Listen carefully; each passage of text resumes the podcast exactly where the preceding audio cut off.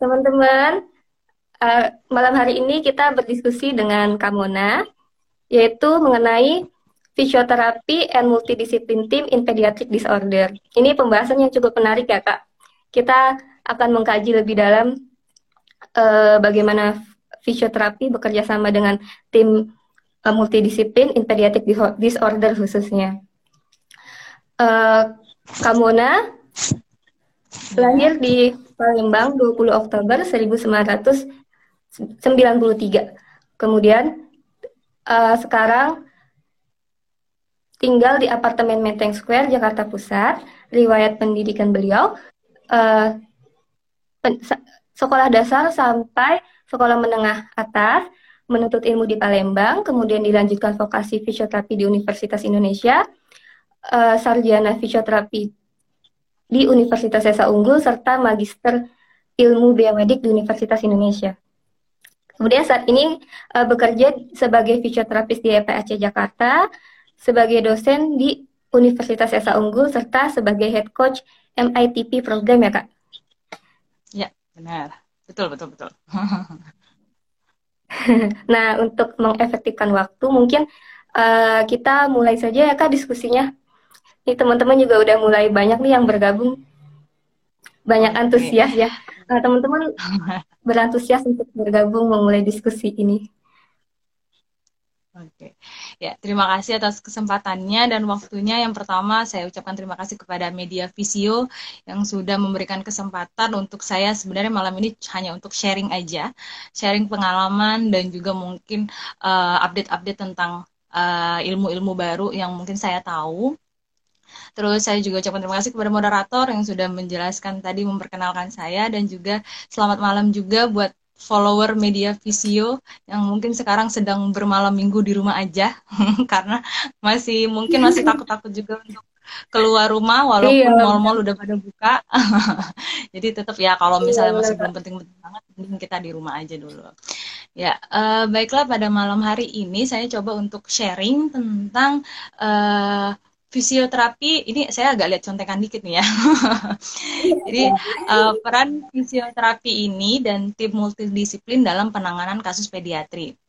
Tadi seperti dijelaskan pada malam hari ini nanti saya akan um, ya sharing tentang apa sih itu tim multidisiplin, terus gimana sih caranya visio itu dapat berkomunikasi ataupun menjalankan kolaborasi dengan tim yang lain, terus Terus kiat-kiat apa nih biar kita fisioterapi bisa dapat berkomunikasi ataupun menjalin kolaborasi dengan tim yang lain dan nanti lebih ke kasusnya ataupun contohnya itu langsung ke kasus pediatri uh, sesuai dengan pengalaman ataupun tempat saya bekerja karena memang saya concernnya memang di kasus, di pediatri jadi mungkin nanti contohnya akan lebih ke sana.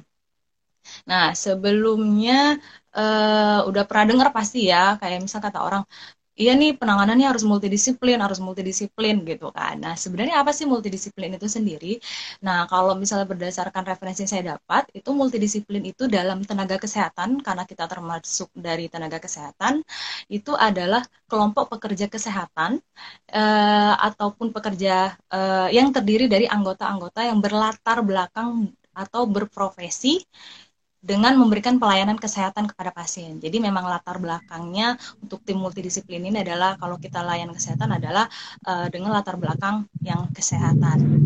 Terus yang kedua poin keduanya adalah masing-masing anggota tim multidisiplin ini mempunyai spesialisasi masing-masing dalam artian mereka memang bekerja secara profesional tergantung dengan profesi mereka masing-masing. Nah, dan yang paling penting poinnya adalah dalam pendekatan dalam multidisiplin ini sendiri profesional bekerja itu secara independen. Dalam artian kalau misalnya kita uh, tim multidisiplin, kita itu tidak bisa yang terlalu mengintervensi uh, apa namanya itu uh, penanganan profesi yang lain jadi memang setiap profesi itu punya uh, apa namanya itu profesional masing-masing dan juga tetapi ingat dalam multidisiplin ini kita tetap harus mengakui dan menghargai kontribusi dari anggota tim lainnya. Jadi walaupun kita bekerja sebagai profesional, misalnya kita profesional sebagai fisioterapi, kita tetap harus mengakui kontribusi dari tim yang lain. Misalnya dari dokter, misalnya dari okupasi terapi, misalnya dari terapi wicara ataupun tim layanan kesehatan yang lain. Jadi poinnya adalah kalau multidisiplin itu uh, bekerjanya sebagai profesional, punya spesialisasi masing sendiri, nah tapi tetap mengakui kontribusi dari tim yang lain. Nah, sebenarnya kalau misalnya penanganannya itu sendiri, uh, approach ya, kalau kita bilangnya pendekatannya itu sendiri tidak hanya uh, multidisiplin, ada yang namanya uh, transdisiplin dan interdisiplin.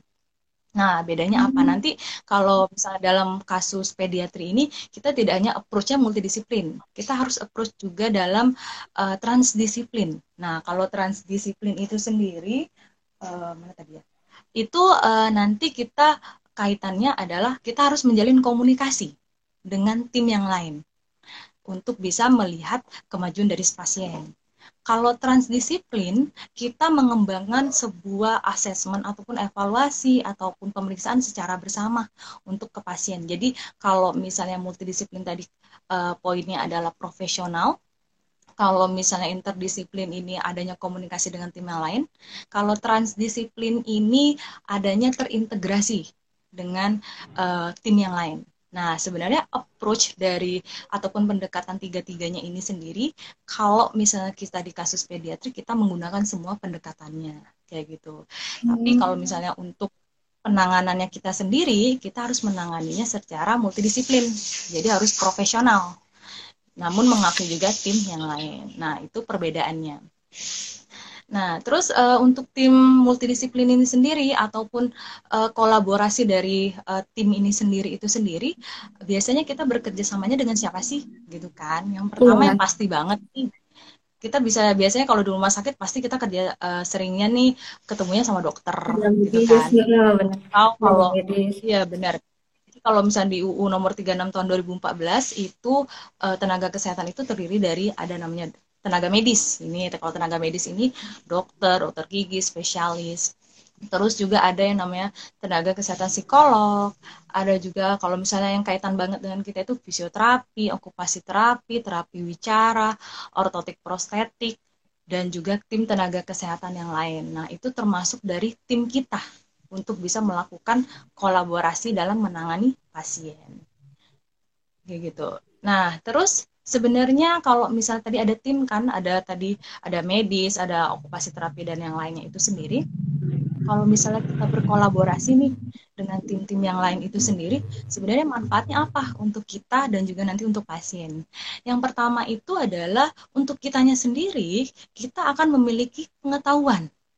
Nah, dalam artian kalau misalnya kita bisa bekerja dengan tim, kita tidak hanya uh, mempunyai pengetahuan tentang fisioterapi aja, akhirnya kita bisa mengetahui oh iya ternyata okupasi terapi uh, ruang lingkupnya seperti ini ya. Terapi bicara ruang lingkupnya seperti ini ya.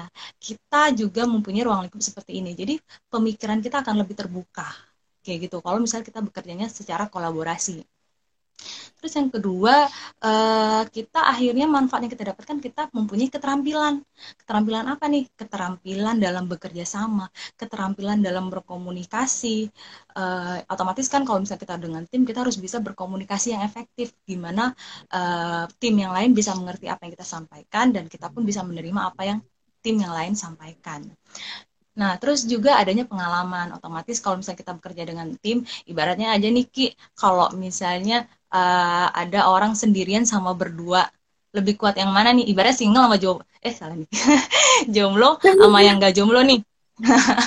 Pasti kan orang lebih ngeliat enak ya nggak jomblo gitu kan. Nah sama nih iya. kalau misalnya kayak kesehatan kayak gini juga nih. Kalau misalnya kita bekerja dengan tim pasien pun akan mendapatkan manfaat yang uh, lebih besar dari uh, kita sebagai tenaga kesehatan yang profesional kayak gitu. Terus yang kedua, kita dapat saling berbagi pengetahuan dari profesi yang lain. Jadi kalau misalnya kita sering berkolaborasi dengan tim yang lain, kita jadi tahu nih, oh iya kalau misalnya menurut dokter yang spesialis ini updatean terbarunya seperti ini loh kayak gitu. Jadi kita juga akhirnya pemikiran kita terbuka untuk bisa mendapatkan pengetahuan-pengetahuan yang tidak hanya sebagai fisioterapi tapi uh, dengan tenaga kesehatan yang lain. Jadi kita mempunyai pemikiran yang lebih luas.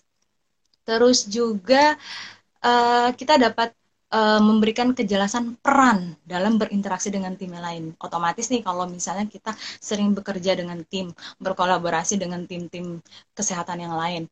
Uh, kalau misalnya kita mem mengkomunikasikannya dengan baik, tim yang lain pun akan mengerti. Misalnya kita memperkenalkan kita fisioterapi nih.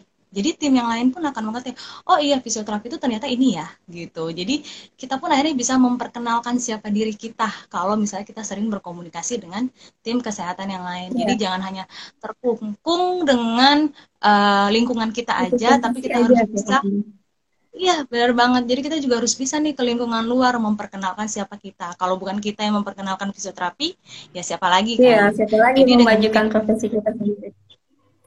Benar iya. banget. Jadi kalau misalnya jangan takut nih kalau misalnya kita pengen memperkenalkan fisioterapi, kita harus otomatis kita harus keluar dan kita harus memperkenalkan kayak gitu. Terus juga kalau misalnya kita bekerja dengan tim, nanti akan ada layanan yang terintegrasi. Jadi nggak terputus tuh ibarat rantai. Kalau misalnya pasien ini uh, punya, misalnya pasien CP, dia ke fisioterapi, tetapi ternyata kalau misalnya dilakukan fisioterapi itu ada kaitannya juga nih dengan okupasi terapi, ada kaitan juga nih dengan terapi bicara, misalnya dari positioning ataupun dari uh, apa namanya itu geraknya yang seperti apa. Nah, itu jadinya layanan kita terintegrasi. Kalau misalnya layanan kita terintegrasi apa yang akan tercapai?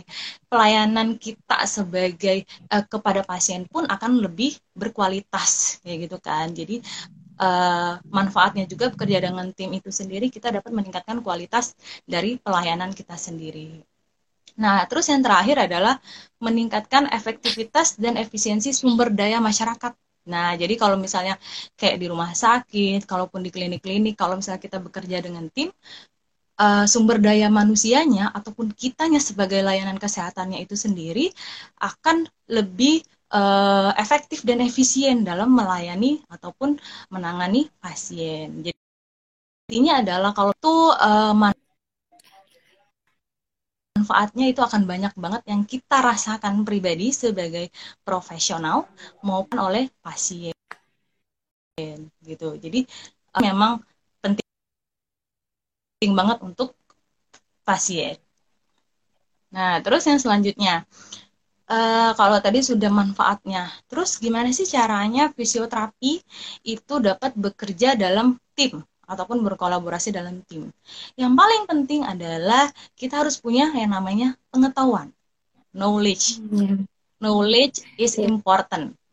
Ibaratnya kalau misalnya tong kosong nyaring bunyinya juga orang juga nggak akan melihat kita kayak gitu kan. Jadi kalau misalnya kita punya pengetahuan, apalagi pengetahuan-pengetahuan yang terupdate, itu juga pasti akan membuat kita dapat bekerja dengan tim. Kalau misalnya kita mau, misalnya nih kita dalam suatu forum, kita uh, ngomongnya itu uh, berdasarkan evidence berdasarkan hal-hal yang update, teman-teman uh, melihat siapa kita kayak gitu kan. Jadi yang pertama adalah kita harus punya pengetahuan kayak gitu. Ya, Terus apalagi yang kedua adanya Kenapa Ki? apalagi kita sebagai tenaga kesehatan gitu kan harus selalu update diri ya kayak ya. biar uh, intervensi atau treatment yang diberikan itu efektif untuk pasien seperti itu. Iya, benar banget. Memang sih sebenarnya kalau misalnya tantangannya adalah uh, updatean terbarunya seperti ini nih, tapi di lapangan mungkin sulit untuk kita hmm. menyesuaikan. Sebenarnya itu tantangan juga sebenarnya, tapi kalau uh, jangan ada pepatah yang mengatakan uh, jangan membenar tapi benarkanlah suatu biasakanlah sesuatu yang benar. Ngerti nggak ki? Bingung nih ya. Jadi kita tidak boleh uh, kita harus punya uh, ide di mana kita harus membiasakan sesuatu yang benar. Kalau misalnya memang di lapangan itu mungkin uh, tidak kurang update ataupun kalau misalnya salah ya salah itu pun kita harus bisa uh, mencoba untuk mencari benang merahnya nih. Bagaimana uh, apa yang terjadi di lapangan dengan update yang terbaru. Nah itu gimana caranya hmm. mencari benang merahnya? Yaitu kita harus bisa berkomunikasi. Baik komunikasi dengan tim yang lain dengan atasan dengan pasien juga. Itu yang paling penting Nah, terus yang terakhir nih yang harus kita lakukan yang harus kita punya nih dari fisioterapi selain pengetahuan, keberanian dan kemauan dan yang pasti kita harus punya keterampilan. Keterampilan apa nih? Tadi yang saya bilang, kita harus mempunyai keterampilan ber e, bekerja profesional. Gimana sih kerja profesional itu kerja yang profesional itu adalah kerja di mana kita bisa melakukan komunikasi yang efektif baik dengan pasien maupun dengan tim yang lain jadi kita harus punya keterampilan komunikasi yang efektif. Jadi mungkin nih teman-teman mahasiswa di sini ataupun nanti media visio ataupun teman-teman mahasiswa yang lain di sini mungkin juga akan ada satu gebrakan di mana uh, kalau buat seminar uh, udah banyak nih mengadakan seminar how to intervention, how to assessment. Mungkin juga butuh nih gimana how to uh, fisioterapi dapat melakukan komunikasi yang efektif nih. Nah, itu juga menjadi yeah. bahan atau topik yang sangat menarik kalau menurut saya. Kita terkadang harus out of the box dengan segala hal yang hmm. mungkin sudah terbiasa tadi, dengan hal-hal yang mungkin lebih refresh lah, lebih lebih kekinian ataupun lebih update kayak gitu. Terus keterampilan yang lainnya juga adalah keterampilan dalam mengambil keputusan. Jadi seperti ini, karena kalau misalnya kita punya pengetahuan tadi, otomatis kita mudah untuk menterminasi sesuatu. Jangan sampai nih pasien uh, kita kerja nih dengan tim, kita ada diskusi, terus uh, misalnya ada tim yang lain, aduh gimana nih fisioterapinya, kita bingung, aduh gimana ya uh, kasih apa ya um, nah kita bingung gitu kan juga. Kita tidak mempunyai keterampilan untuk mengambil sebuah keputusan. Nah kalau misalnya kita harus mengambil keputusan otomatis tadi intinya adalah harus kita punya pengetahuan. Jadi uh, ada banyak sebenarnya yang bisa kita lakukan sebagai fisioterapi untuk melakukan komunikasi itu sendiri seperti apa ataupun bisa berkomunikasi ataupun bekerja dengan tim salah satunya yang tadi. Nah, selain itu juga Nah, ini hanya sekedar intro, mungkin teman-teman bisa nanti lebih tahu untuk komunikasi yang efektif itu sendiri apa aja. Yang pertama itu menciptakan hubungan interpersonal yang baik. Otomatis kita harus bisa um, uh, berkomunikasi dengan pasien, merasakan uh, apa ya berempati juga kepada pasien dan juga uh, meng me, apa ya berkomunik uh, dapat juga memiliki hubungan yang baik dengan tim yang lain. Terus yang kedua bertukar informasi. Jadi jangan takut-takut nih kalau misalnya ada tim kesehatan yang lain, kita harus sharing, komunikasi, informasi itu penting. Terus mendengarkan secara aktif dan penuh perhatian. Jadi kalau misalnya kita diskusi sama tim yang lain, kita juga harus bisa menghargai mereka. Kita harus menjadi pendengar yang baik, tapi kita juga tetap harus berperan aktif. Terus penggunaan bahasa yang tepat Nah, bahasa yang tepat ini ya, semua hal itu adalah proses. Saya pun juga tetap masih berproses untuk belajar bagaimana sih komunikasi yang baik. Tapi kalau misalnya kita nggak coba, juga kita pun nggak akan pernah bisa kan. Terus bahasa tubuh dan penampilan. Oh, kalau misalnya kalau kata uh, guru saya adalah orang itu ngelihat pasti dari ya terkadang emang ada quote yang mengatakan don't judge book from the cover ya. Tapi ya sebagaimana manusiawi sih kalau misalnya Kiki ini disuruh milih ada buku bagus dua-duanya isinya bagus tapi yang satu covernya lebih bagus daripada yang satu pilih yang mana Ki? Aku milih yang covernya lebih bagus padahal.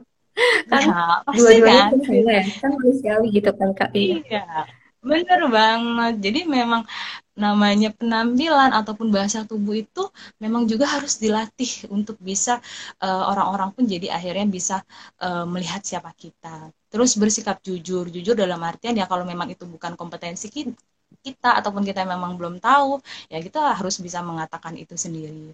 Terus memperhatikan kebutuhan pasien yang pasti adalah pasien oriented juga jangan lupa.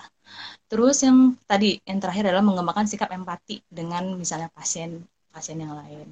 Nah, untuk prinsip kolaborasi tim ini sendiri uh, ada jurnal yang saya baca itu ada empat prinsipnya. Yang pertama adalah pasien center care. Jadi memang pusatnya adalah pasien. Kita itu harus uh, terkadang kita harus diskusi dengan tim yang lain itu bukan untuk menunjukkan saja uh, siapa kita ataupun hanya untuk uh, me terkadang ya ada juga yang mungkin meng, uh, menganggap ya mereka punya uh, apa namanya tuh ya uh, hal lain yang lebih menonjol dibanding kita. Itu secara uh, mungkin ada kayak gitu. Tapi kalau misalnya kita melihat pasiennya, center kita pasien, kita pasti akan mempunyai suatu rasa di mana oh ya ini untuk pasien gue nih, gitu kan. Ini untuk pasien gue nih, hmm. bukan untuk gue sendiri atau tim lain tapi ini buat pasien. Jadi yang pertama adalah pasien center care.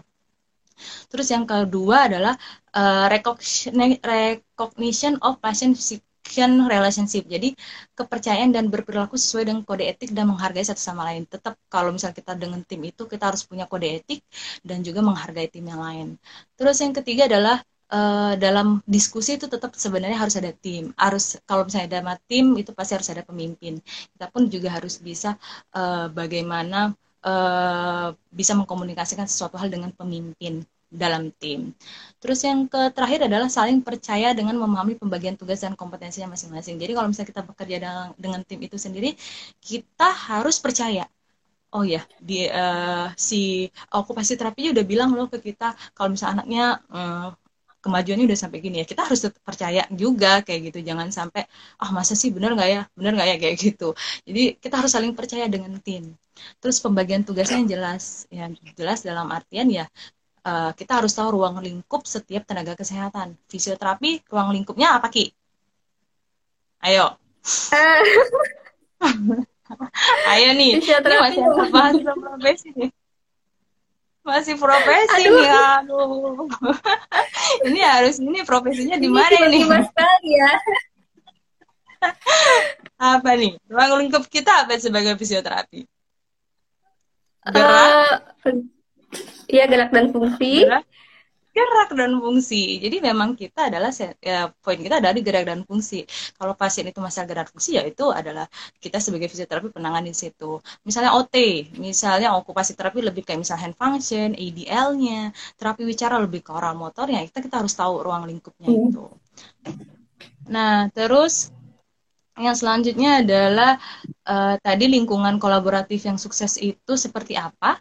Uh, harus yang namanya mana ya? Nih maaf ya karena kita sama-sama sharing masih belajar harus masih melihat contekan. Iya, jadi lingkungan dipotong. Dipotong dulu. Ya? uh, untuk teman-teman yang mau uh, memiliki pertanyaan bisa uh, ajukan pertanyaan di kolom komentar seperti itu. Ya, bisa lanjut? Ya lanjut. Okay lingkungan tim kolaboratif yang sukses itu yang pertama tadi uh, dari jurnal yang saya baca itu sendiri adalah kerangka kepercayaan bersama. Jadi kita harus percaya dalam tim. Yang kedua ada peran dan tanggung jawab. Kita harus mempunyai kita harus tahu peran kita apa dan kita mempunyai tanggung jawab dalam di situ. Terus komunikasi yang terbuka yang penuh rasa hormat dan empatik. Nah, ini yang terkadang ya namanya ini juga mungkin memang soft skill dan juga memang harus terus belajar uh, gimana kita bisa berkomunikasi dengan rasa hormat, dengan efektif, dengan empatik itu memang diperlukan banget tapi ya mungkin memang harus terus belajar. Terus kita harus mengapresiasi yang namanya keanekaragaman yang namanya dalam tim kolaborasi pasti nanti akan ada gesekan-gesekannya nih. Nah, itu gimana kita bisa mengapresiasi ataupun menghargai perbedaan itu sendiri uh, yang pasti pasti akan ada solusinya dan jalan tengahnya.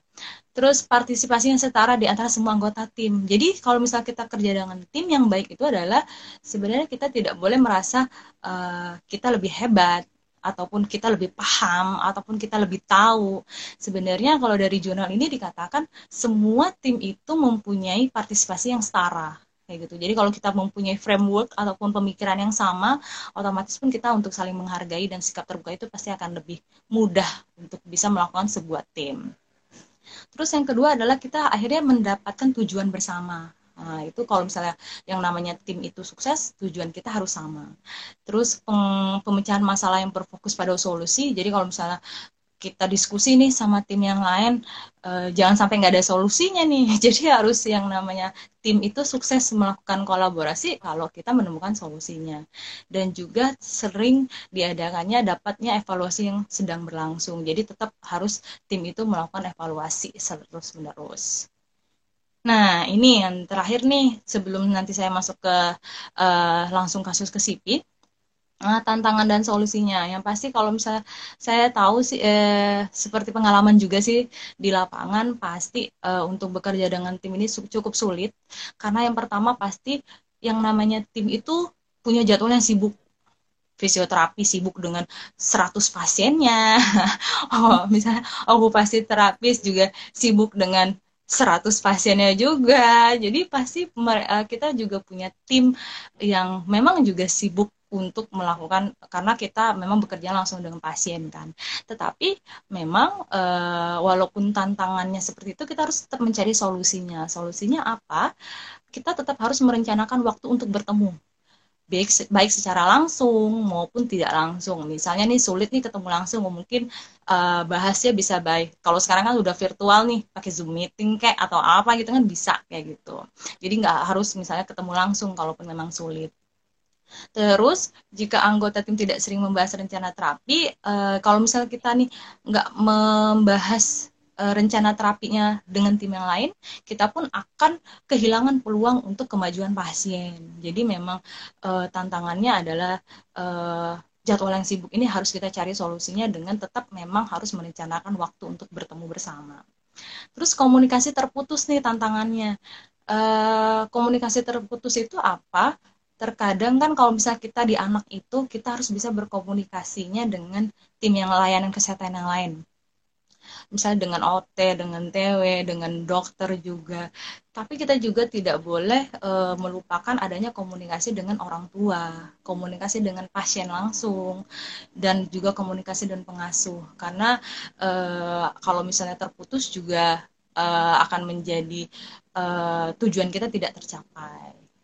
Nah, yang paling penting adalah di sini saya lebih kalau tadi lebih ngebahas secara general mungkin apa itu multidisiplin, manfaatnya, gimana sih cara komunik uh, gimana cara membentuk tim yang uh, yang baik. Da, dan terakhir ini akan yang saya bahas itu adalah tentang ke apa ya namanya kita di sini sebutnya one stop service. Jadi di sini lebih sharing ke pengalaman uh, saya bekerja di GPAC. Di situ kita menyebutkannya adalah one stop service. Jadi kita mempunyai uh, kita mempunyai tujuan untuk melakukan layanan yang terintegrasi terintegrasi yaitu tadi approach-nya multidisiplin, intradisiplin uh, ataupun transdisiplin. Jadi memang semua layanan itu kita terintegrasi. Senternya adalah pasien. Center kita adalah pasien. Nah, kalau misalnya di PAC itu tempat saya bekerja itu sendiri kita emang fokusnya ke cerebral palsy. Jadi pasien kita ada cerebral palsy. Untuk layanan kesehatan eh, untuk layanan sendiri di tempat kita itu sendiri kita punya layanan kese layanan kesehatan. Di sini terdiri dari dokter, dokter-dokter. Uh, jadi di sini juga kita ada yang namanya mem, merencana uh, bukan menjadwalkan untuk asesmen bersama dengan dokter-dokter dan juga asesmen bersama dengan tim keterapian. Nah, itu untuk di layanan kesehatan. Uh, terus selain itu juga ada di layanan kesehatan ada ada klinik tadi dokter, okupasi terapi, terapi bicara, terus ortotik prostetik, terus psikolog juga, Terus kita juga ada layanan daycare itu masuk ke layanan kita kesehatan. Terus yang kedua ada layanan uh, edukasi. Kalau misalnya pada kasus-kasus pediatri, otomatis kan mereka tetap membutuhkan yang namanya uh, edukasi ataupun pendidikan. Jadi di samping mereka tetap uh, apa namanya itu mengedepankan kesehatan, mereka juga tetap harus memikirkan edukasinya. Jadi kita juga punya uh, layanan edukasi ini sendiri, ada TK, ada TK, SD, SMP, SMA. Nah, itu kita punya juga di di tempat situ. Terus uh, ada juga namanya layanan vokasional. Nah, layanan vokasional ini apa nih buat teman-teman? Kan cerebral palsy itu uh, bukan suatu penyakit ya. Jadi memang mereka long life-nya mereka akan menjadi CP. Nah, kalau misalnya mereka udah tamat sekolah misalnya, terus mungkin mau kuliah mungkin uh, sulit karena mereka mau anak berkebutuhan khusus. Nah, kita punya layanan vokasional, jadi mereka tetap produktif dengan kemampuan yang mereka punya. Terus uh, ada juga layanan tadi daycare ini di luar dari layanan yang tadi layanan daycare ini adalah mungkin ada orang tua yang mereka sambil kerja uh, apa namanya itu gimana nih anaknya tetap bisa terapi tetap bisa sekolah tapi mereka tidak uh, bisa uh, full nih ngejagain kita punya ada layanan dekat juga. Jadi kalau menurut saya uh, sharing pengalaman saya tentang di PAC ini sendiri sebenarnya kalau menurut saya tidak hanya di PAC pasti juga uh, teman-teman yang lain yang kerja di klinik itu juga pasti mempunyai tim untuk menangani kasus pediatri karena pediatri itu kasusnya kompleks banget uh, pasti uh, membutuhkan layanan kesehatan yang lain. Nah, kalau misalnya kita tidak mengkomunikasikan ataupun mengintegrasikan layanan ini sendiri uh, peluang tadi peluang untuk kemajuan pasiennya juga kita akan kehilangan nih untuk bisa memajukan pasiennya lebih efektif lagi. Jadi uh, pesan saya adalah uh, mungkin teman-teman di sana yang di klinik ya ataupun yang di rumah sakit uh, yang sudah punya berbagai layanan ber, yang sudah bekerja dengan tim mungkin diefektifkan lagi untuk bisa yang benar-benar namanya kita bisa bekerja dengan tim Nah, itu sih mungkin uh, yang bisa saya sampaikan. Ini udah lewat waktunya belum, Niki? Katanya. Iya, udah 30 menit. Nah, sekarang masuk ke sesi tanya jawab ya, kayak. Ya. Dari ya, teman-teman mungkin uh, punya pertanyaan bisa diajukan di kolom komentar. Uh, tapi untuk misalkan di uh, fisioterapi pediatrik itu sendiri kak, kan uh, misalkan asesmen pertama kali itu kan saling bekerja sama ya dengan tim uh, multidisiplin lainnya.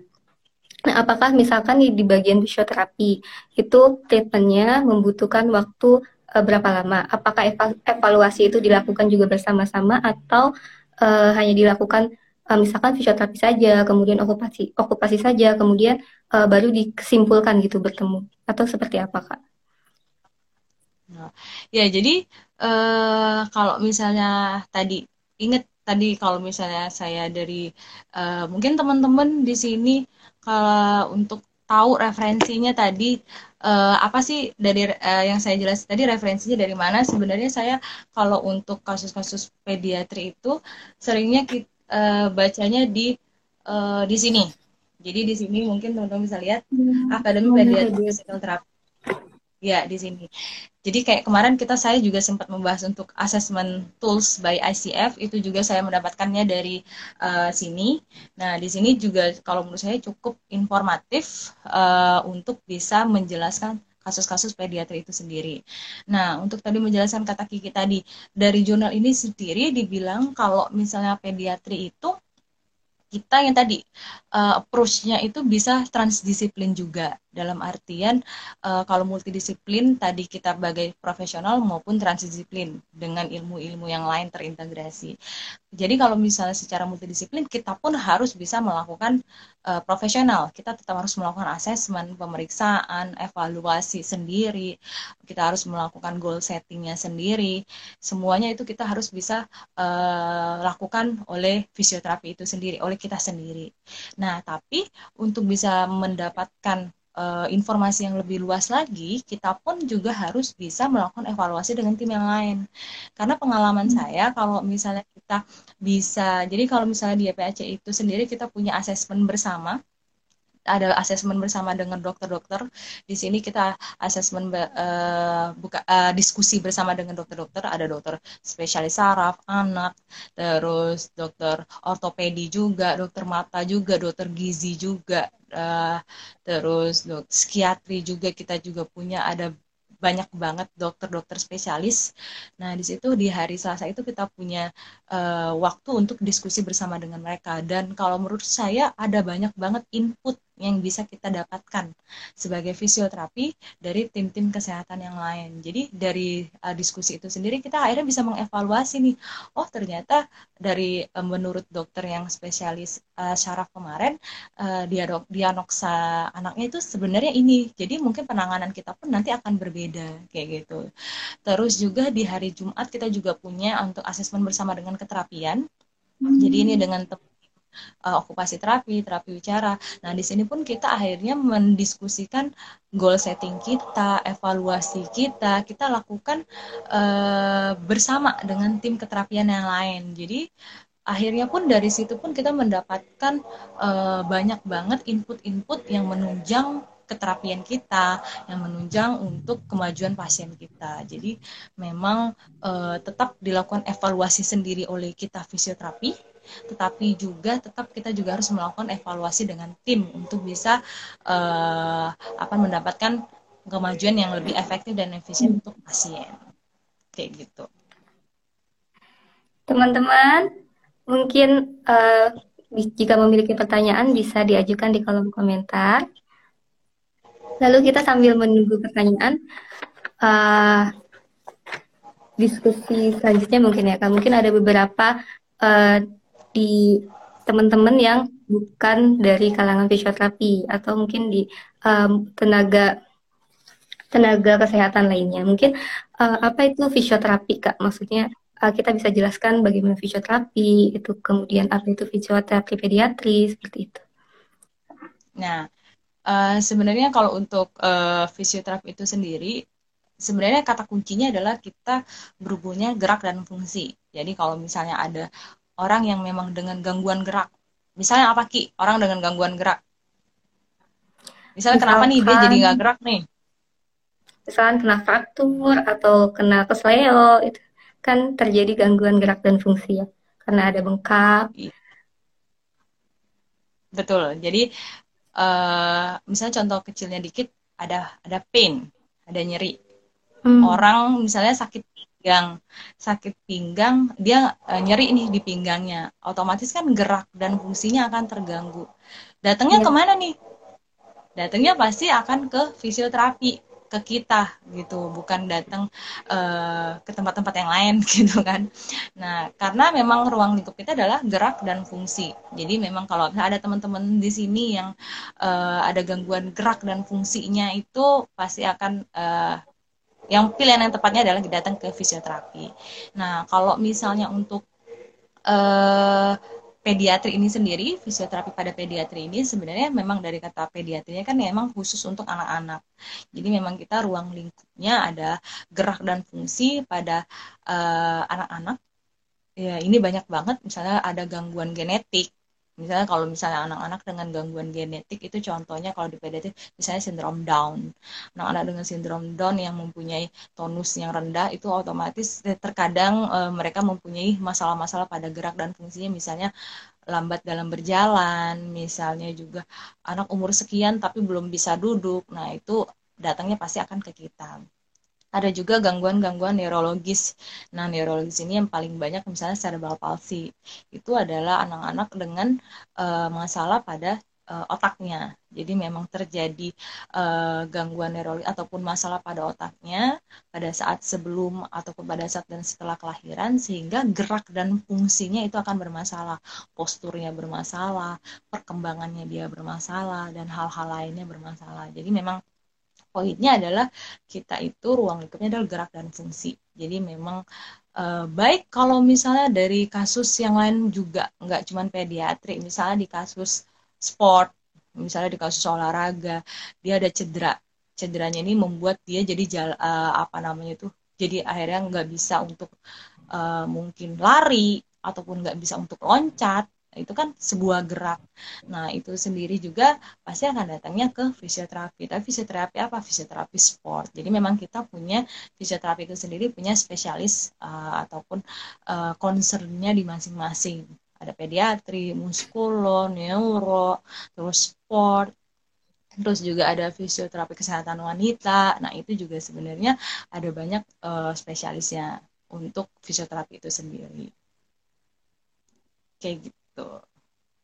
Kalau misalnya Kiki ini uh, lagi profesi kan ya?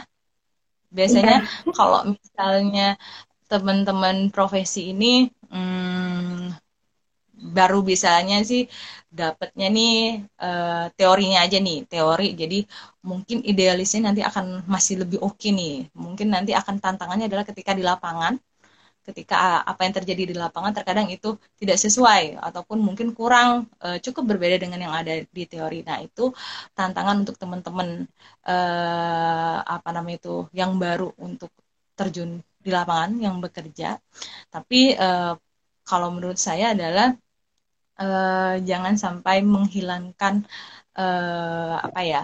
Um, teori ataupun pengetahuan yang sudah benar. Jadi ingat deh kalau misalnya saya tadi bilang eh, apa namanya itu tadi eh, jangan membenarkan suatu kebiasaan, tapi biasakanlah suatu yang benar. Nah, mungkin kalau misalnya yang di lapangan sudah biasa nih untuk membenarkan eh, suatu kebiasaan. Jadi walaupun salah ya udahlah misalnya kayak gitu kan tapi hmm. untuk teman-teman yang mahasiswa untuk teman-teman mahasiswa yang S1 yang profesi itu uh, adalah mm, cerminan fisioterapi yang akan datang. Jadi kalau misalnya kalian punya uh, apa framework ataupun pola pikir yang juga sama aja dengan yang mungkin selama ini, ya fisioterapi kita akan seperti ini ini aja. Tapi kalau misalnya kita, yang mahasiswa ini, yang profesi yang baru-baru, yang fresh-fresh graduate, yang muda-muda ini, kalau saya mungkin uh, masih muda juga. kita saya menolak tua. Jadi juga uh, kita juga tetap bisa berkontribusi untuk fisioterapi yang akan datang. Jadi buat teman-teman hmm. semua yang di profesi yang mahasiswa juga tetap harus uh, lebih mempunyai keterampilan-keterampilan yang lain untuk bisa menunjang fisioterapi fisioterapi kita di masa yang akan datang nih. Gitu. Nah, uh, ini udah ada beberapa pertanyaan dari teman-teman, Kak. Pertanyaan pertama dari Lina Mariska 741.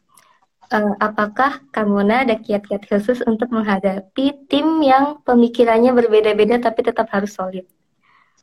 Oke, ini Bagaimana ya, itu, tadi Kak? benar banget. Uh, yang namanya kalau ini sih saya kayaknya kenal ya. ini mungkin salah satu tim saya juga sebenarnya ya ya namanya kita di dalam tim itu sendiri pasti saya bilang tadi adanya gesekan mas, pasti adanya yang namanya perbedaan itu pasti. Nggak mungkin kita bisa pungkiri. Kita pun di tempat saya bekerja di EPAC pun kita terkadang mempunyai kendala-kendala. Uh, aduh gimana ya? Uh, si A misalnya gini banget nih atau enggak ini gini banget nih gini banget. Kadang kan kayak gitu. Atau enggak kayaknya nggak kayak gitu gitu. Tetap aja ada yang kayak gitu. Tapi kalau yang saya dapatkan pesannya dari kita bekerja dengan tim selama ini yang saya dapatkan segala hal itu pasti ada benang merahnya. Segala hal itu pasti ada solusinya. Jadi kalau misalnya kita uh, timnya itu yang pasti sendiri tadi kita harus punya pemikiran yang terbuka. Terbuka. Jadi nggak boleh nih yang tadi saya bilang kita merasa hebat sendiri kita merasa bisa sendiri kita selalu mungkin menyalahkan tim yang lain sendiri kita juga nggak mempu jangan mempunyai pemikiran-pemikiran seperti itu. Jadi seperti yang tadi saya jelaskan kita harus punya pemikiran yang terbuka. Terbuka dalam artian kita bisa menampung yang namanya pendapat orang lain dan kita pun bisa uh, mengkomunikasikan pendapat ataupun uh, hal yang ingin kita sampaikan. Ya tadi komunikasinya harus efektif ya, ya. Pasti kalau menurut saya nih dari jabaran saya tadi pertanyaannya Tante Siska ini sendiri, kita harus punya pemikiran yang terbuka dan kita harus bisa mengkomunikasikannya dengan efektif biar kita tetap solid. Kayak gitu. Mungkin pertanyaan selanjutnya dari Kak Sadatul Husnia pengen bisa Siapa? pediatrika tapi kenapa uh, Kasadatul Husnia? Pengen oh, bisa pediatrik tapi nih? kenapa nggak bisa? Ya aku kak. Bagaimana itu kak? Ini curhat dia Nia ya. Ini kayaknya kenal juga nih. Ini kayak muka mukanya kayaknya saya pernah inget pernah lihat di mana ya. Kayaknya pernah ketemu di jalan deh. Ada di mana mana kayaknya kak ada di mana-mana. Ini udah hebat ini. Ini alumni uh, profesi yang udah oke okay juga yeah. nih. nah, jadi kalau misalnya itu ya mungkin ini juga untuk teman-teman mahasiswa juga sih. Teman-teman mahasiswa, teman-teman uh, profesi yang baru profesi juga uh, apa namanya? Uh, untuk itu memang sebenarnya itu adalah concern kita. Kita harus tahu diri kita sendiri dulu jadi buat teman-teman mahasiswa ataupun profesi selama praktek klinik itu mulai mencoba untuk diri diri diri gue ada di mana nih ya? Ada di pediatri kah? Ada di neurologi kah? Ada di sport kah? Itu harus mulai terpanggil nih. Jadi harus bisa mulai mengenal diri sendiri. Sukanya di mana, cintanya di mana, senangnya di mana gitu. Jadi mulailah untuk mengenal diri sendiri adanya di mana. Itu pasti ada dorongan dari diri sendiri untuk kayaknya gue sukanya di pediatri deh kayak gitu kan. Tapi suka di pediatri tapi susah nih pediatri ya. Jangan jangan mikir susahnya jangan mikir nggak bisanya. Tapi dimulai dulu oh ya oke okay, gue uh, sukanya di pediatri walaupun susah kayaknya gue harus belajar nih tetap harus belajar. Jadi memang yang pertama itu adalah mengenal diri sendiri dulu nih uh, sukanya di mana concernnya di mana cintanya di mana kayak gitu. Jadi biar nanti ke depannya kalau misalnya kita kerja kalau misalnya nanti ada hal-hal uh, uh, hal -hal yang memang sesuai dengan yang kita rasakan ataupun kita inginkan pasti ke depannya kita akan lebih gampang. Jangan sampai maksain diri nih lowongan kerjaannya ada pediatri nih tapi gue nggak suka. Ya udahlah coba aja lah. Pasti itu nanti ke depannya kayak cuman bertahan setahun ataupun uh, setengah bulan kayak gitu. Karena padahal concern dia di sport misalnya tapi dia akhirnya kerjanya di pediatri. Jadi mungkin akan lebih bisa sih kemungkinan tapi mungkin untuk adaptasinya akan lebih sulit kayak gitu. Kalau menurut saya sih dan kita, dan kita juga tidak bisa menikmati uh, pekerjaan kita ya kak. Kalau misalkan tidak di bidang yang kita suka. Gitu. betul uh, dan ini ada pertanyaan dulu. dari iya harus cinta dulu hmm. ini ada pertanyaan dari Pak Indra Halo Pak Indra, Aduh, Pak selamat Indra. malam Muti dan Pak Indra. Saya saya mau langsung live aja nih. ada Pak Indra, ada Kak Muti, ada Pak Median juga. Aduh ini guru-guru saya nih. Baru ini cuma sharing kok Pak, sharing aja. Jadi deg-degan ya Kak? ya, itu pertanyaan Pak Indra bisa di skip, anggap aja tidak ada.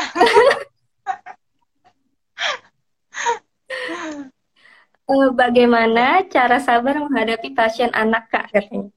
Kata Pak Indra. panggilan hati.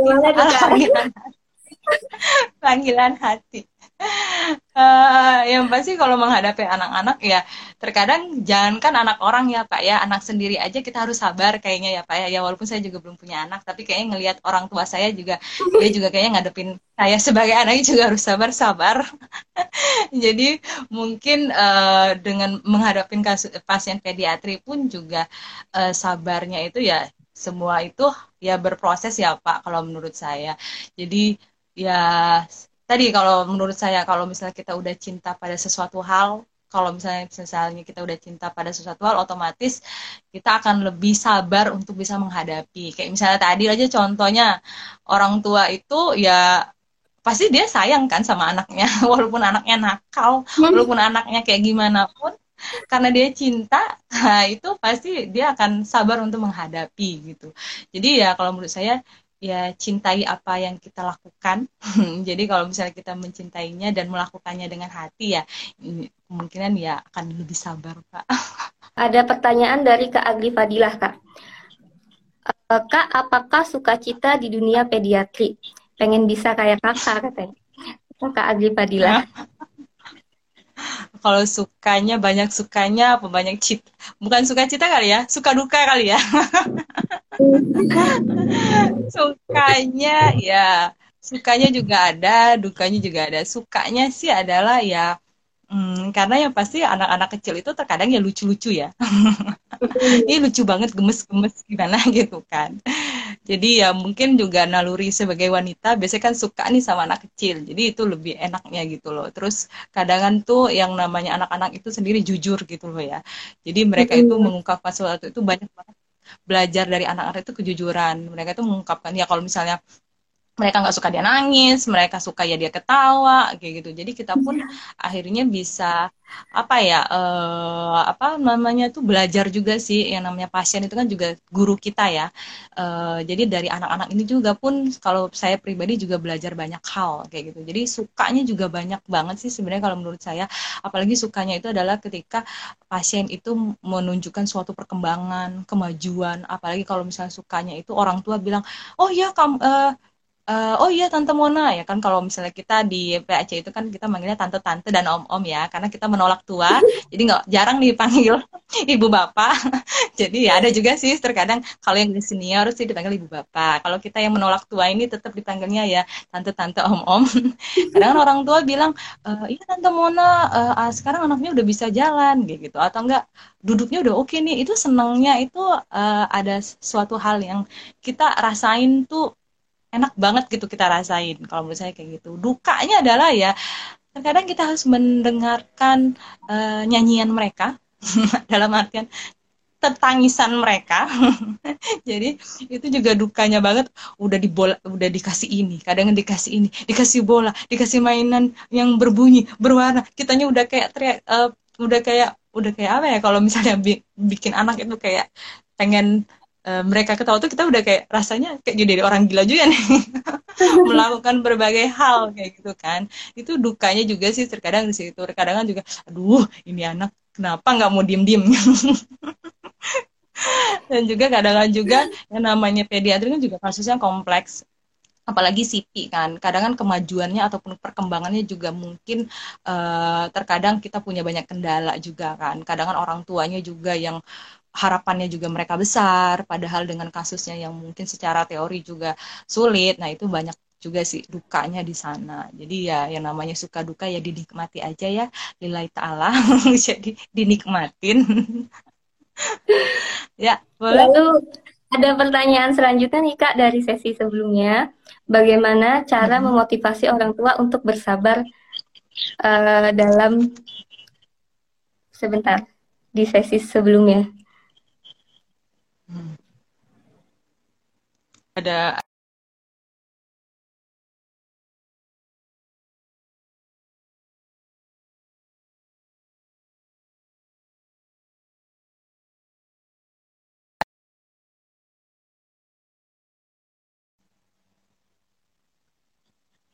orang tua untuk bersabar dalam uh, mendidik uh, anak seperti itu, memotivasi anak. Kalau untuk orang tua ya itu, itu juga termasuk uh, apa ya kompleksitas kita di, di kasus pediatri. Kita nggak senternya juga cuman nggak cuman pasiennya aja nggak cuman anaknya juga. Kita juga kaitan erat banget dengan yang namanya orang tua gitu kan. Uh, kalau misalnya untuk gimana orang tua nih biar bisa sabar, nah yang pasti sih kalau saya sering uh, mencoba untuk uh, orang tua ini bisa yang namanya uh, poin pentingnya adalah pertama mereka menerima dulu, menerima kondisi anaknya. Ya menerima kalau misalnya kondisi misalnya anaknya CP, yang poin pertama adalah mereka harus bisa menerima kalau anak mereka adalah bukan anak yang kayak normal pada umumnya. Itu sih. Dan itu se, se, apa namanya itu proses. Proses untuk orang tua. Kita juga tidak bisa memaksa kalau orang tua itu harus langsung nerima. Enggak juga. Uh, ada tahapan di mana mereka harus denial dulu. Mereka juga harus tetap shopping ke mana-mana dulu. Nah itu juga proses untuk mereka bisa menerima kondisi anaknya. Jadi yang pertama itu adalah mereka harus menerima dulu. Terus yang kedua uh, ajak mereka ataupun stimulasi mereka untuk mengikuti kegiatan-kegiatan uh, apa namanya tuh komunitas. Misalnya kalau di SIP itu kan ada uh, rumah cerebral palsy, misalnya ada uh, apa namanya komunitas-komunitas uh, dis disabilitas yang lainnya. Nah di situ kalau dan juga uh, di situ juga akhirnya orang tua mempunyai interaksi dengan orang tua yang lain.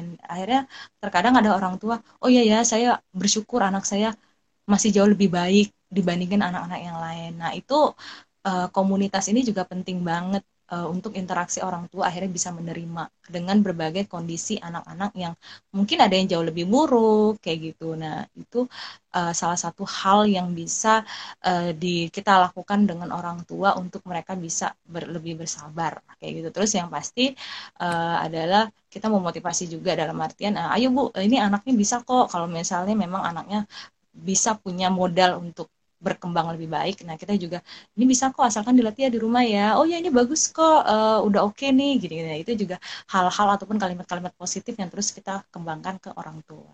Itu sih kalau menurut saya. Iya benar ya. Uh, lalu ada pertanyaan dari Kak Sad Sadatul Husnia lagi. Kak selain anak Nih, kalau Nia, kalau nanya sekali lagi dapat piring cantik ya Nia ya. dapat keyboard. Eh, Kak, selain anak disabilitas, pernah magang anak normal nggak? Pernah megang anak normal nggak? No uh, anak sendiri apa anak orang, Nak? Nia. Kalau anak oh, anak sendiri belum punya Nia ya. kalau misalnya anak orang yang normal ya ada sih. Kayak misalnya uh, kalau misalnya kalau misalnya kita kalau misalnya saya itu misalnya saya pulang kampung itu juga ada uh, sepupu-sepupu yang masih kecil. Biasanya itu uh, saya suka iseng-iseng uh, memberikan stimulasi. Jadi kalau misalnya anak normal itu sendiri uh, terkadang kita bukan memberikan terapi ya tapi kita namanya stimulasi. Jadi uh, misalnya ini udah umur berapa nih? Misalnya kayak gitu. Ya ini udah umur satu tahun. Uh, oh udah bisa apa? Misalnya gitu. Ya baru bisa berdiri doang. Uh, udah bisa jalan belum? Ini belum misalnya kayak gitu karena kita untuk stimulasi terkadang coba disuruh dorong sesuatu kayak gitu. Nah ada suatu pengalaman waktu itu saya inget banget uh, itu cucunya Pak Maidi waktu itu ke pernah main ke PAC anaknya normal kayak gitu. Tapi anaknya ini punya trauma trauma dalam artian dia pernah berdiri terus jatuh akhirnya dia nggak mau lagi untuk jalan kayak gitu. Terus main ke ke ke apa namanya ke PAC terus uh, dengan kursi dor kursi yang roda itu saya stimulasi untuk dia jalan. Ternyata nggak lama dari situ anaknya punya keberanian untuk bisa jalan sampai yang uh, Pak Maidi waktu itu wah kok tiba-tiba mau? kayak gitu kan. Jadi untuk anak normal pun sebenarnya bisa tapi ya tujuannya berbeda. Tujuannya untuk lebih bisa stimulasi aja kayak gitu. Ya mungkin terkadang anak normal juga punya rasa takut tersendiri ya kayak ya. Dengan hal-hal tertentu trauma seperti itu uh, mungkin teman-teman bisa ada yang ingin bertanya bisa di uh, tulis lewat kolom komentar Kayak tadi ada dari yang sebelumnya itu ada dari siapa ya? Uh, aku lupa tuh. Dari siapa tadi aku lupa baca. Uh, di sesi Untuk... yang pertama ya kak? Iya. Oh, uh, tadi Ini sudah. Pak Median. Halo Pak Median, selamat malam. Ini Pak Median, nggak lama lagi maksudnya apa Pak? Kok ambigu ya Pak, yang nggak lama apanya Pak? Nggak lama apanya nih Pak? Aduh, ada ada expertnya juga nih Tante Via. ini Tante Via ini uh, expertnya uh, cerebral palsy nih, Bobat di Hermina. Salah satu expert Bobat juga nih. Ada oh ini ada pasien saya pasien saya juga nih. Ada Kemal Syauki itu pasien saya di PAC tapi dia memang uh, untuk kemampuannya dia udah lebih oke. Okay, jadi dia bisa jalan dan komunikasi masih oke. Okay. halo Kamal. Nama Kamal lah masih. Ini lucu banget.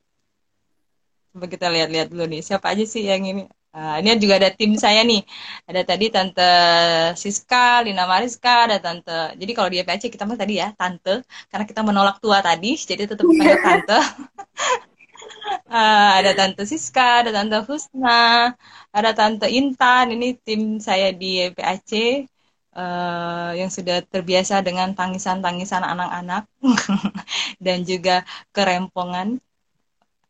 Nah ini ada dari Umu Saat ya. Kamu uh, mau tanya untuk penanganan nih.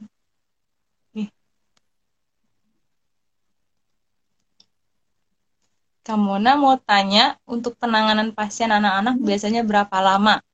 Apalagi kan anak-anak harus ada adaptasi, kadang nangis, jadi efektifnya gimana? Ya Ki ya. Saya coba jawab ya Ki ya. Bentar Kak. Oh iya, aku nggak kebaca kayaknya. Maaf. Nah, sebenarnya memang uh, kalau misalnya di layanan itu sendiri kan uh, berbeda-beda ya. Kalau di rumah sakit mungkin sekitar 30 sampai 45 menit. Ya, ada beberapa rumah sakit seperti itu karena memang tergantung list pasien juga kan. Hmm. Terus kalau misalnya di kita sekitar 45 sampai 60 menit. Nah, e, sebenarnya kalau untuk durasi ini sendiri kita e, tidak bisa mm, mengatakan e, harus setiap anak harus 40 menit ataupun 30 menit karena memang tergantung tadi kondisi anaknya. Kalaupun e, tadi kan misalnya awal-awal adaptasi pernah saya ini sharing pengalaman e, pernah ada pasien itu uh, jangankan masuk ruang visio datang ke apa pintu YPAC aja itu udah histerisnya dari ujung YPAC sampai pangkal YPAC itu udah histeris nangis.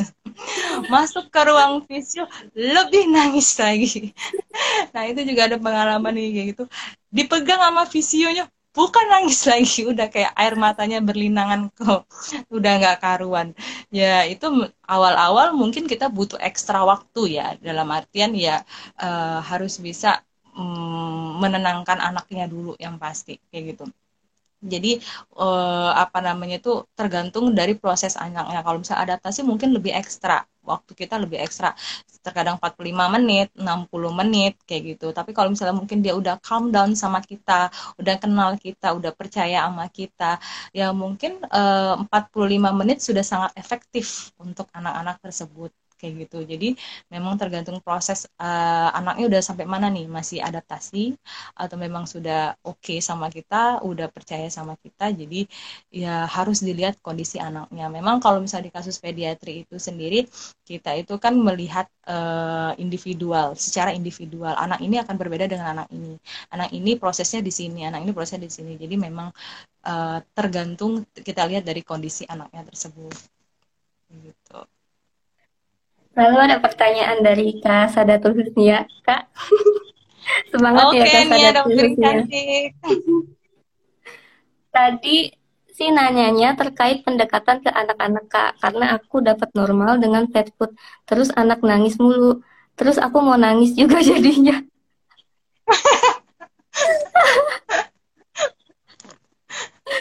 ampun kan ya. Tapi emang sulit sih Kak. Aku kan pernah nah, waktu praklinik juga kan praktek di YPAC ya emang rasanya tuh sulit banget bantuin megang anak gitu apalagi yang anaknya nangis tantrum kayak gitu itu rasanya tuh aduh sulit banget Iya, itu aja yang cewek ya. Kalau cewek juga udah ada iya. naluri ya terkadang ya. Kita punya naluri terkadang dengan anak-anak masih oke okay lah gitu kan. Apalagi yang cowok-cowok terkadang kalau misalnya ngelihat mahasiswa praktik di EPAC yang cowok-cowok ini udah kayak, uh, udah kayak asap ngebul. Jadi udah ngelihat pasiennya udah uh, udah pusing, belum lagi ditanya sama pembimbingnya, ditanya lagi sama uh, apa namanya pengujinya itu udah makin ngebul gitu. Jadi kayak di EPAC itu mogok banget gitu. Makanya kalau kita di EPAC ya kalau sehari-hari kita santai karena kita tahu mereka sudah cukup stres ketika ujian. Jadi sehari-hari mungkin kita akan lebih santai. Jadi memang uh, pertanyaannya tadi kan dia normal tapi flat foot ya. Dan anaknya yeah. nangis. Nah, anaknya kita lihat dulu nih usianya berapa nih ya. Kalau misalnya memang sudah bisa diajak komunikasi, ya Nia harus bisa mengambil hati nih. Jadi jangan hanya mengambil hati lelaki nih ya, ya. Cobalah mengambil hati anak-anak juga gitu. Tanya ke orang tuanya, misalnya kayak gitu. Jadi mungkin ada satu sesi di mana adaptasi dulu. Dia harus percaya dulu sama kita.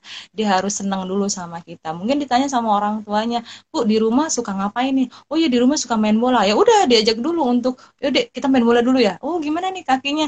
Oh kalau nendang bola gimana? Misalnya oh di rumah suka apa? Misalnya kasih apa sesuatu hal yang emang dia suka dulu. Jadi pendekatannya harus ada eh, pendekatan dulu. Pendekatan dengan anaknya dulu. Jadi jangan langsung dia udah nangis terus lu paksa juga ya Nia ya langsung lu uh, apa obrak abrik itu kakinya. Dia makin histeris. Makin dia nggak mau datang ke kita gitu. Jadi kalau bisa di anak-anak ya itu harus bikin yang namanya bonding dulu dengan anak dengan anaknya apalagi anaknya normal. Dia bisa komunikasi ya dia bisa ngerti. Jadi dia juga uh, kalau saya yakin anak itu ya walaupun normal dan nggak normal mereka bisa merasakan gitu. Kalau misalnya kita ada dia merasakan oh nih orang usaha nih buat ngedeketin aku misalnya kayak gitu kan. Nah itu pun juga itu mereka bisa rasakan kayak gitu loh. Jadi memang harus mencoba untuk mendekati dulu nih cari tahu dulu personal anak ini sukanya apa nggak sukanya apa kayak gitu. Makanya yang namanya penting asesmen jadi kan kalau misalnya asesmen itu kalau misalnya di pediatri itu sendiri kan uh, kadang kan kita nggak asesmen langsung ke pasien ya ataupun ke anak kita ke orang tua. Nah di situ kita harus lebih detail. Makanya kalau misalnya tadi kita kerja dengan tim terkadang uh, kita mendapat masukan dari psikolog. Oh ya kalau menurut oh ya anaknya nggak suka ini nih suka ini. Nah itu juga akhirnya pendekatan kita juga jauh lebih efektif kayak gitu. Kalau misalnya kita akhirnya tahu dari segi psikolog dari segi OT dari segi TW dan sebagai tim yang lain itulah gunanya kita bekerja dengan tim kayak gitu. Uh, ada pertanyaan lagi kan dari oh ini katanya dari SH4U YT tuh dengerin Mbak Nia jangan cuma jago ambil hati lagi. Oh ini bercanda. Tuh Nia jangan cuma jago ngambil hati laki-laki. Kalau kerjanya di anak harus ngambil hati anak-anak juga Nia. Tapi emang uh, menangani pasien anak tuh kita juga harus memiliki mood yang baik ya kayak ya. soalnya kalau misalkan sebagai fisioterapisnya sendiri uh, moodnya nggak baik dalam menghadapi anak, anak juga nggak mau gitu sama kita. Bener, bener, bener banget. Itu ya, juga terkadang tuh uh, apa ya tadi uh, anak namanya anak bisa ngerasain. Kalau saya uh, saya berpikirnya seperti itu. Dia bisa ngerasain kalau kita moodnya nggak baik, mereka pun akan uh, merespon terapi kita pun jadinya nggak baik gitu. Itu terkadang terjadi gitu loh di di lapangannya gitu. Dan juga uh, jangan merasa kalau misal jangan berpikiran juga ini anak ya karena dia cerebral palsy misalnya nggak bisa ngapa-ngapain. Cuma bisa tiduran doang terlentang. Jangan dipikir mereka sebenarnya nggak bisa ngerasain. Karena sebenarnya mereka punya sensori-sensori yang lebih kuat kayak gitu. Misalnya ada salah satu pasien saya dia memang dari intelektualnya dia memang kurang di bawah rata-rata tapi dia punya sensori yang lebih kuat yaitu suara.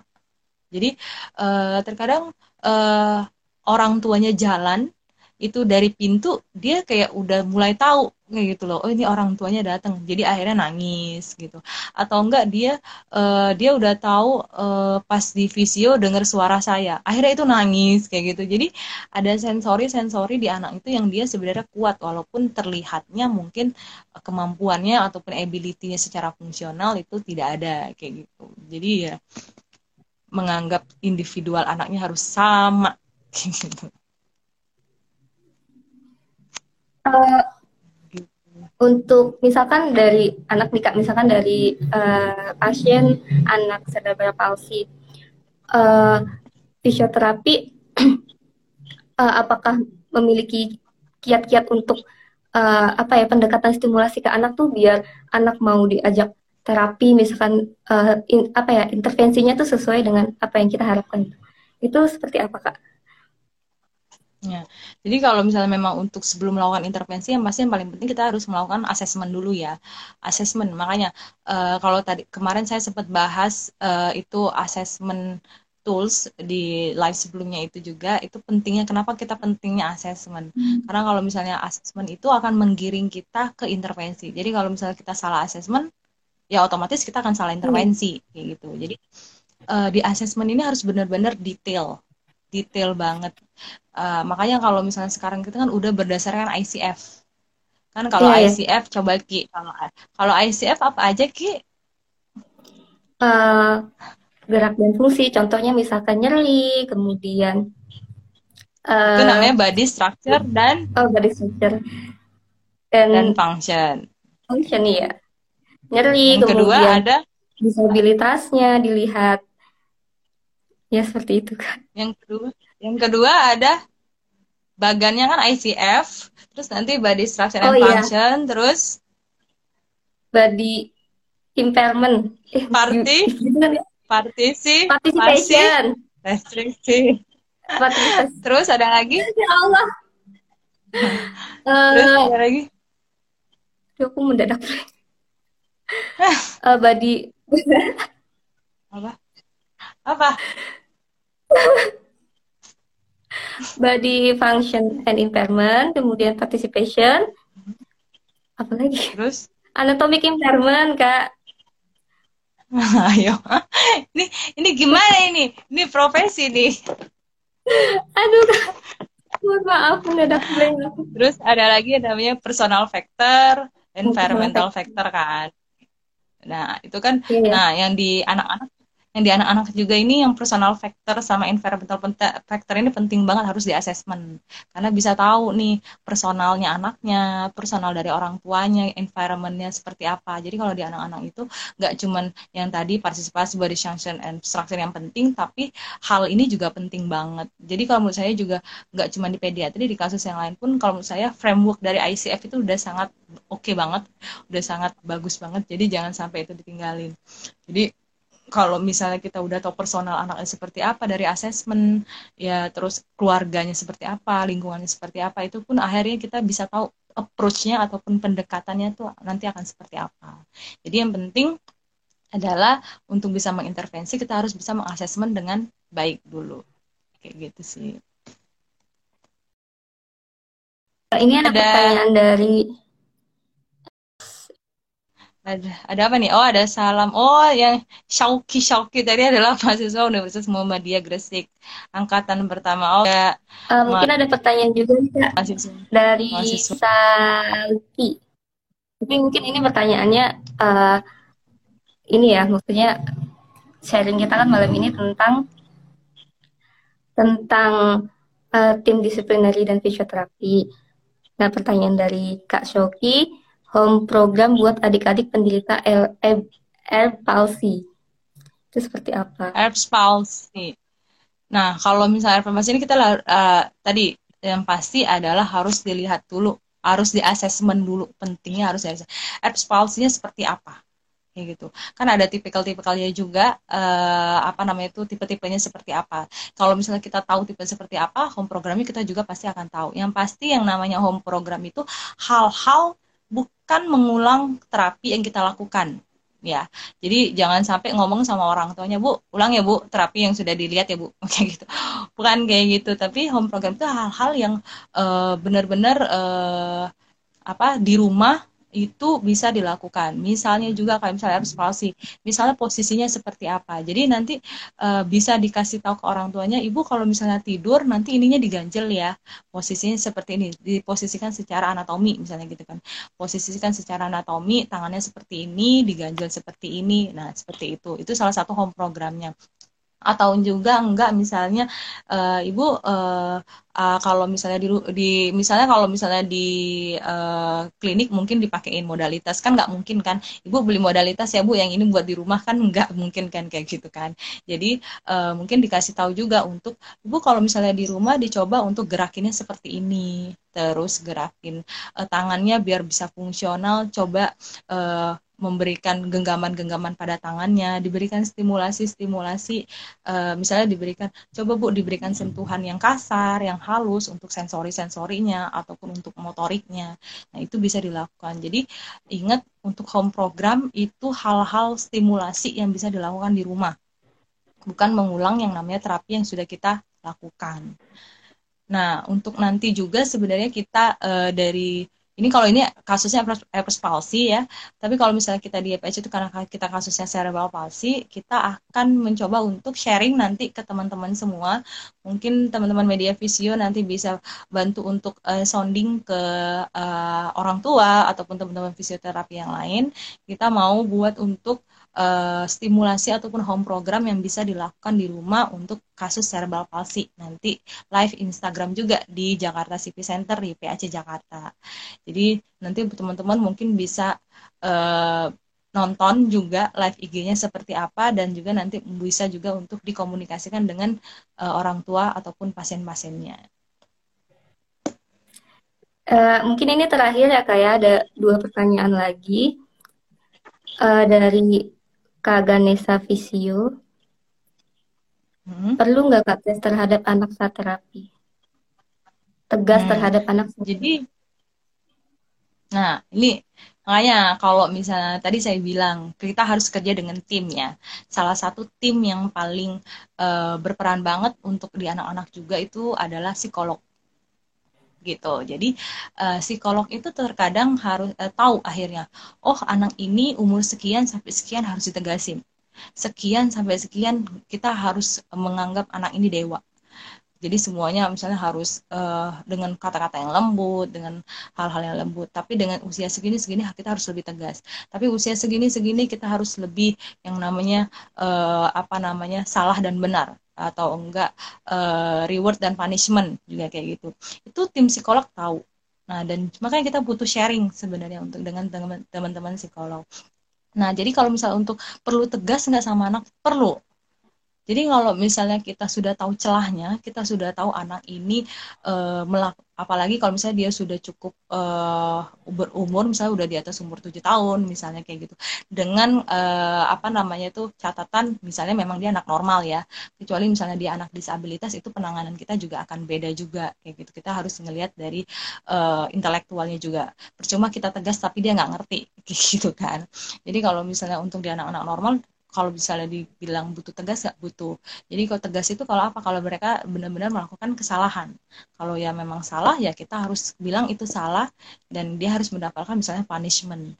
Tapi kita juga tidak boleh melupakan kalau misalnya dia benar jangan lupa kita juga kasih reward gitu. Jadi kalau ditanya butuh tegas nggak? Butuh. Uh, mungkin ini pertanyaan oh, yang terakhir ya kak. Hmm.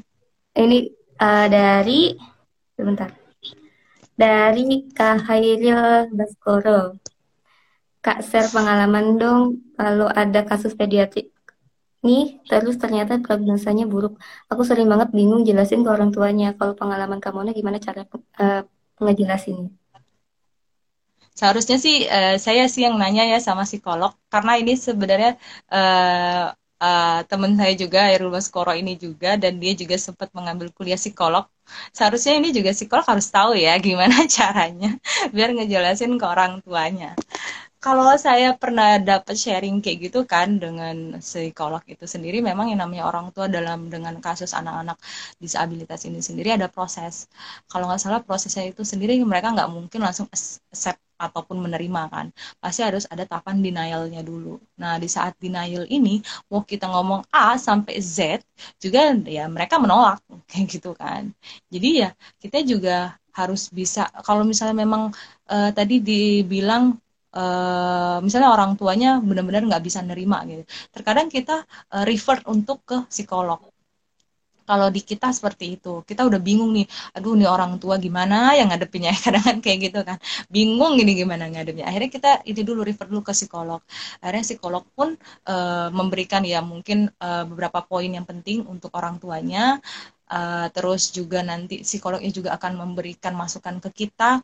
Uh, ternyata orang tuanya kayak gini kayak gini kayak gini. Nah itu baru kita akhirnya bisa menemukan celahnya ataupun menemukan solusinya kayak gitu. Jadi uh, mungkin harus lihat dulu nih orang tuanya ini dari proses mana nih. Kalau misalnya dia proses, tadi saya bilang, kalau misalnya dia dari proses denial, ya kita hanya memberikan informasi ya se sekomunikatifnya kita dan juga seefisiennya kita kita berkomunikasi ya.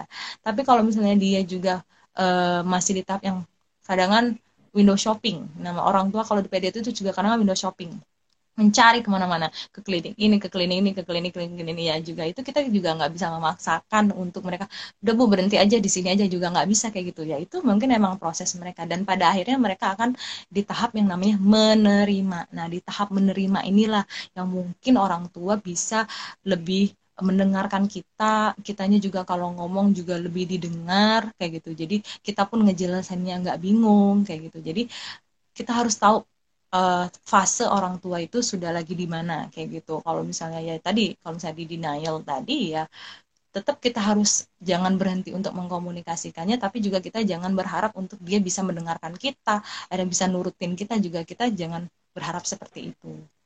Kayak gitu. Jadi kalau menurut saya sih seperti itu.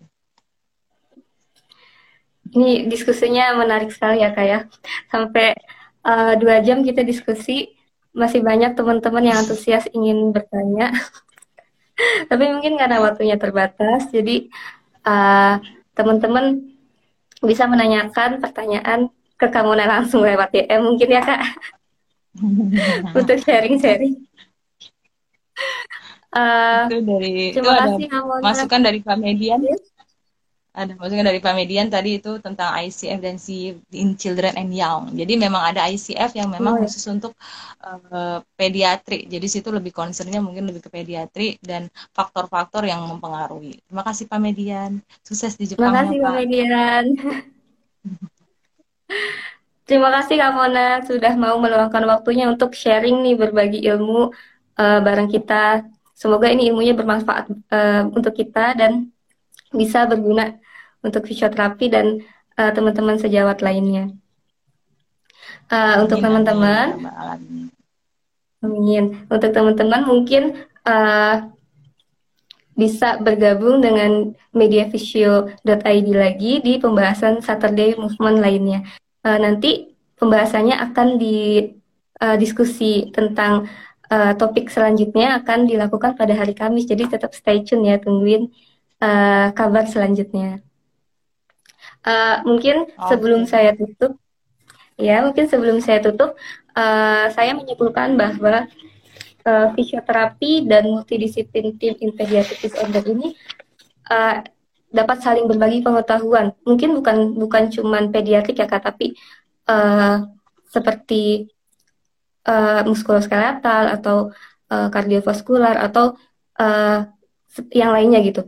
Kita dapat saling berbagi pengetahuan dari profesi kesehatan lainnya dan menciptakan kerjasama tim yang kompak. Uh, ini juga untuk uh, untuk uh, pasien itu sendiri. Jadi kemampuan dari pelayan kesehatan yang berbeda dapat mengintegrasikan sehingga terbentuk tim yang fungsional ya kak, seperti itu. Jadi memang iya, penting ya, betul, betul. Uh, pada dasarnya kita memang penting untuk saling bekerja sama uh, dengan tim dengan uh, dengan tim multidisiplin lainnya. Uh, mungkin itu saja yang bisa uh, saya sampaikan dan terima kasih Kak Mona sudah meluangkan waktunya. Jangan lupa teman-teman untuk pada uh -uh. media video dan juga Kiki sebagai moderator dan juga teman-teman follower yang sudah nonton. Mohon maaf kalau ada salah, kalau ada yang kurang ataupun ada yang memang harus diperbaiki. Yeah. Semuanya adalah proses belajar dan saya pun juga tetap masih dalam proses belajar dan tapi ya itu intinya kita jangan pernah berhenti untuk belajar. Terima kasih. Terima kasih semuanya. Semoga uh, kita bisa memetik manfaat dari diskusi yang menarik ini. Mohon maaf bila ada salah kata. Wassalamualaikum warahmatullahi wabarakatuh. Terima kasih Kak Mona, terima kasih teman-teman. Assalamualaikum. Waalaikumsalam.